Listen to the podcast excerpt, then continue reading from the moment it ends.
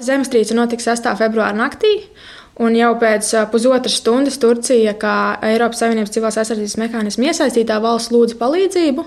Saka valsts ugunsdzēsības un glābšanas dienesta civilās aizsardzības pārvaldes resursu pārvaldīšanas nodaļas vecākā inspektore virsleitnante Kristīna Fedatova.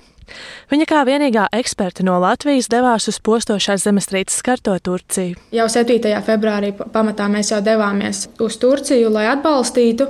Jau 6. februārī dienā, kad pati zemestrīce jau bija notikusi, mūsu komanda bija sakomplektēta. Mēs saņēmām sākotnējo instruktāžu un jau bijām gatavi doties. Eiropas komisija mobilizēja un nosūtīja civilās aizsardzības ekspertu komandu sākotnēji 11 cilvēku sastāvā, taču ņemot vērā postījumu ietekmi un pēcgrūdienus, komanda tika papildināta.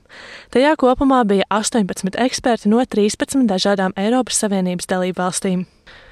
Komandas galvenie mērķi - atbalstīt Turcijas dienestus notikumu vietām, ienākušās starptautiskās palīdzības saņemšana, sadarbības koordinēšana ar citām starptautiskām organizācijām notikumu vietā. Tā ir salīdzinoši gandrīz vienmēr standarta komanda.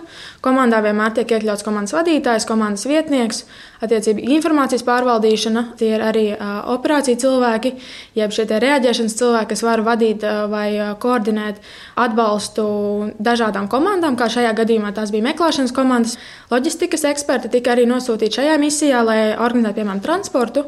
Arī šī misija, ņemot vērā tās specifiku, jo tā bija zemestrīce, tika papildus nosūtīti arī inženieri, kas var novērtēt šo ietekmi no zemestrīces uz dažādām ēkām. Kristīna Fedatova komandā bija informācijas pārvaldības eksperte. Tie mani primārie uzdevumi bija nodrošināt komunikāciju starp mums kā komandu un ārkārtas reaģēšanas koordinācijas centru Briselē, kas nodrošina šo sadarbību ar visām Eiropas Savienības valstīm. Tāpat tās arī eh, mans uzdevums bija nodrošināt informācijas apriti iekš mūsu komandas. Šī viņai bija pirmā misija. Eksperti norāda, ka šādām misijām gatavojusies vairākus gadus. Kristīna Fedato Turcijā strādāja no divām vietām pirmo nedēļu Ankarā, bet atlikušās divas nedēļas Gaziantepā. Esot misijā, mēs ik pa laikam izjutām šos mazos pēcgrūdienus, bet tas ir kaut kas tāds, kas jāņem vērā. Pašu lielāko zemestrīci, ko piedzīvoja arī mūsu komanda, tas notika 20. februārī, kad eh, tā jau bija nu, tobrīd jau trešā zemestrīce ar vairāk kā sešu magnitūdu. Pēc Richtera skalas mūsu komandā bija arī izveidot noteikti drošības pasākumi, kā rīkoties gadījumā, ja atkārtojas zemestrīce.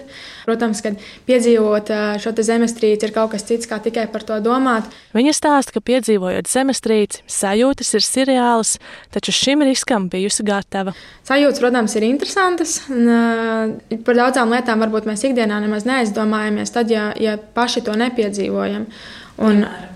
Kā piemēram, kā, kāda varētu būt pievienotā vērtība tam, ja kabatā ir svilpīte? Šī esot bijusi lielākā meklēšanas un glābšanas komandas misija. Prieks redzēt, ka arī pēc ilgāka laika joprojām bija iespējams atrast sākotnējā fāzē cietušos, bet dzīvus cilvēkus.